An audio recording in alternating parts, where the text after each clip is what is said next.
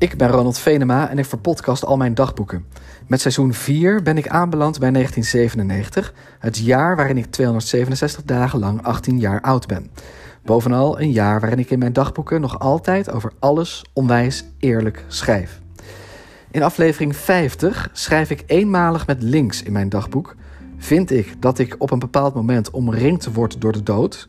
En leent Dion mij een boek uit dat mij waarschijnlijk gaat helpen om alles op het gebied van seks te doorgronden.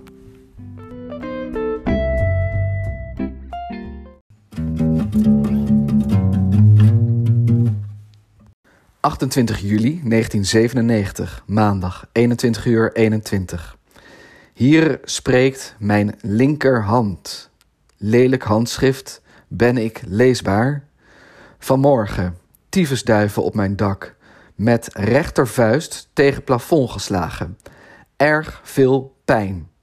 Dokter, ziekenhuis, vijfde middenhandsbeentje gebroken. Gips. Kloten, ik ben nogal rechts. Nu moet alles met links. Eten, tanden poetsen, schrijven. Ik stop. Links schrijven is vermoeiend. Kut. Links rukken lukt nooit.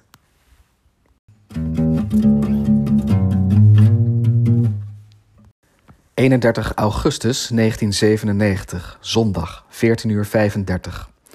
Het gips is er al af, maar ik wilde mijn vijfde middenhandsbeentje nog wat meer rust geven. Dus niet meteen heel veel schrijven.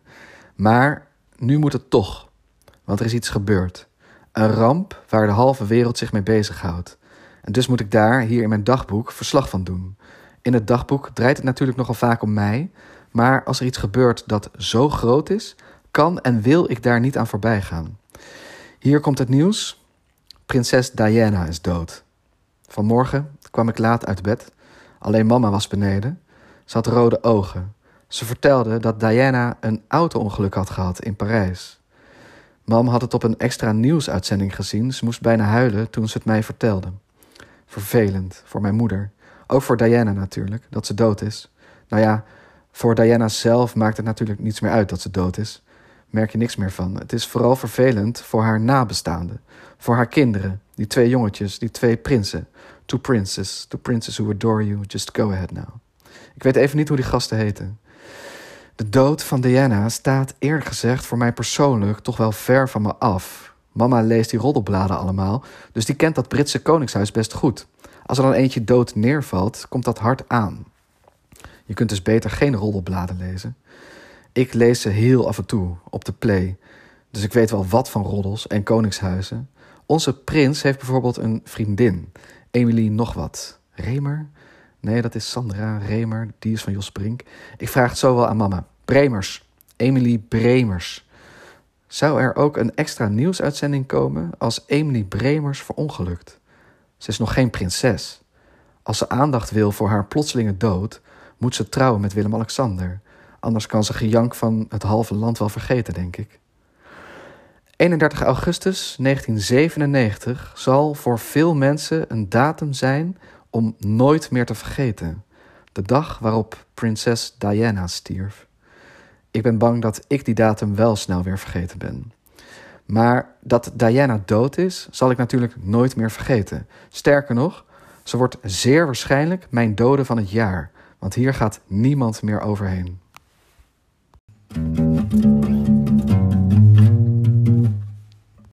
...6 september 1997, zaterdag, 20 uur 01. Mama zat vanmorgen klaar om naar de begrafenisuitzending van Lady Di te kijken. Ik kwam uit bed en ging bij haar zitten. De telefoon ging.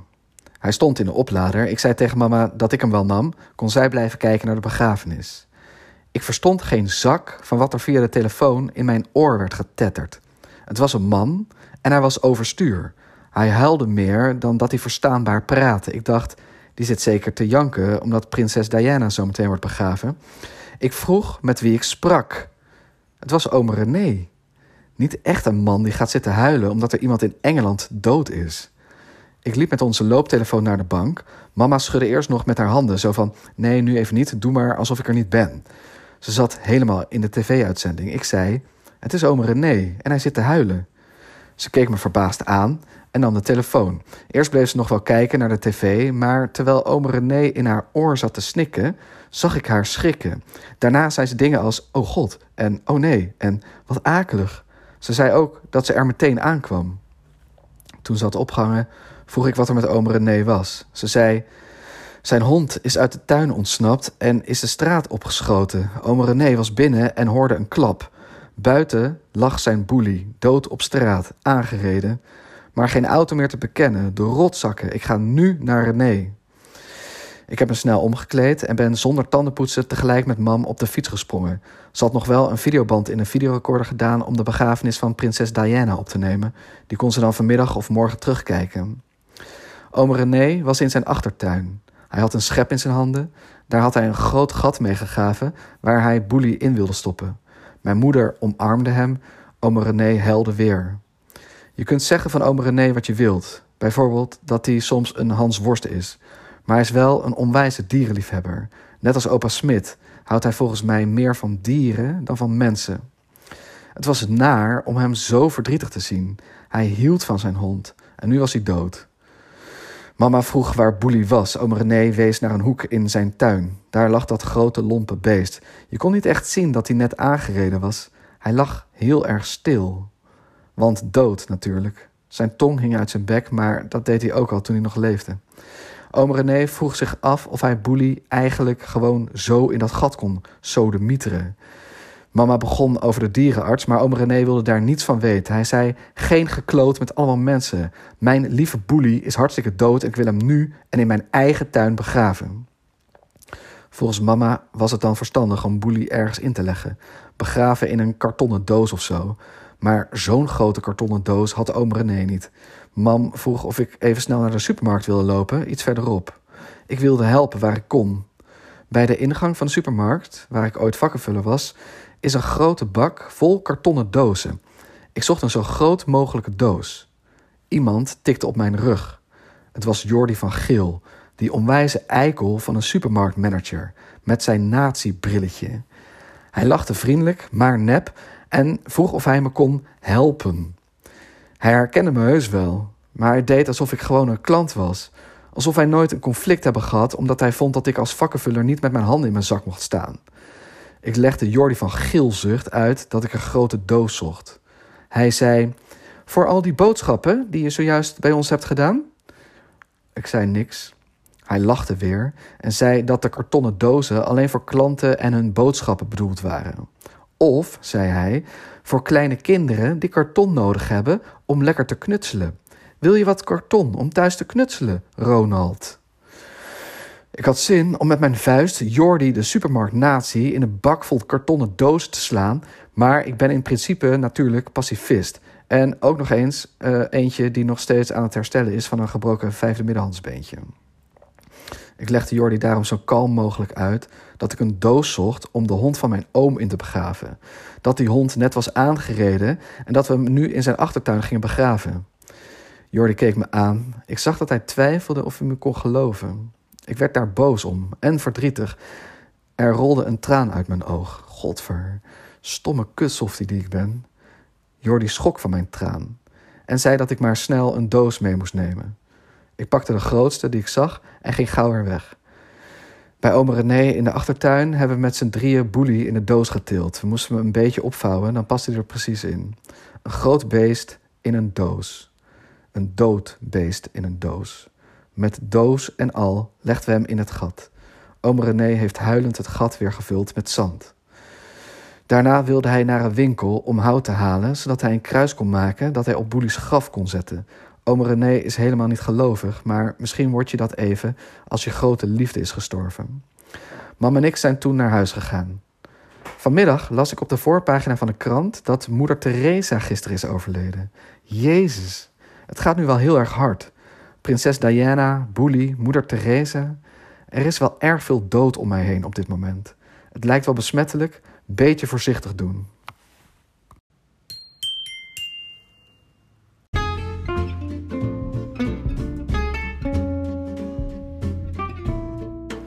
Mijn verpodcaste dagboeken worden verboekt.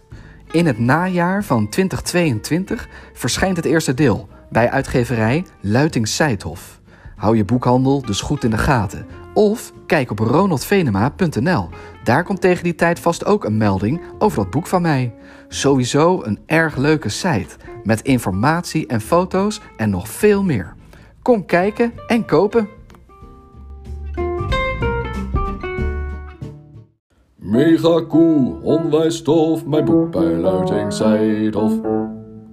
14 september 1997, zondag, 13 uur 33. Na Marco's feestje gisteravond fietste ik met Marleen naar haar huis. Weekend, dus ik bleef bij haar slapen. Voordat we naar haar kamer gingen, dronken we samen nog een biertje in de huiskamer. We hingen op de bank tegen elkaar aan toen Marleen uit het niets zei dat wij SS hebben. Ik ging overeind zitten en vroeg wat ze met SS bedoelde. Het klonk als een enge ziekte, een fascistisch virus. Marleen zei dat ze de term had van haar vriendin Floor. Ze zei: SS staat voor slechte seks. En daar hebben wij last van.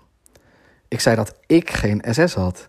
Zij zei dat zij dat wel had. En als zij dat had, dan hadden wij dat. En moesten wij daar dus wat aan doen.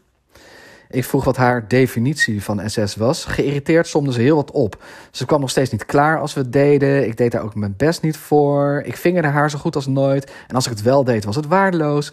Waarna ze het altijd zelf moest doen om klaar te komen. En voor Beffen voelde meneer Venema zich kennelijk te goed. Ze siste, dat is SS. Marleen had aardig wat bier gedronken. Dan wordt ze ineens heel erg eerlijk. Gelukkig had ik ook genoeg op om hier nogal eerlijk op te reageren. Ik zei dat we qua orale seks keihard 0-0 stonden, want pijpen doet mevrouw Bakker ook niet. En wat vingeren betreft, beetje flauw. Was ze soms vergeten dat ik wekenlang met een gebroken vijfde middenhandsbeentje had rondgelopen? Ik kan er toch niet half gehandicapt gaan liggen vingeren? Voor de bevrediging van mijzelf was dat gebroken vijfde middenhandsbeentje ook super kut. Ik vroeg of ze er wel eens bij stil had gestaan dat ik dus wekenlang heb moeten rukken met links. Dat ging trouwens op den duur best redelijk. Ik ben qua onanie bijna tweehandig. Al gaat mijn voorkeur natuurlijk nog altijd uit naar rechtsrukken. Marleen vroeg verbaasd en boos of ik me nog steeds aftrok in mijn eentje, zonder haar. Ja, natuurlijk, zei ik. Jij masturbeert toch ook nog gewoon in je eentje? Ze zei van niet. Geloof ik niks van. Maar ze zwoer dat ze dat alleen deed als ik erbij was. En dat ze het dan wel bij zichzelf moest doen, omdat ik vingerde als een aardappel. Dat zei ze echt. Ik vingerde als een aardappel. Ik moest lachen om die opmerking. Dat maakte Marleen alleen maar bozer. Ze zei dat ik beter naar huis kon gaan. Ik zei ja hoor en stapte op. Het is weer een beetje crisis tussen ons. Een aardappelcrisis. Weer eentje die zij heeft veroorzaakt en die ik waarschijnlijk mag gaan oplossen.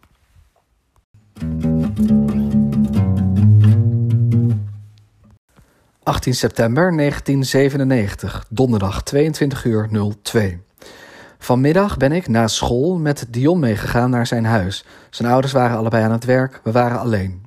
Ik vertelde hem over de aardappelcrisis en over de SS, waar vooral Marleen last van had.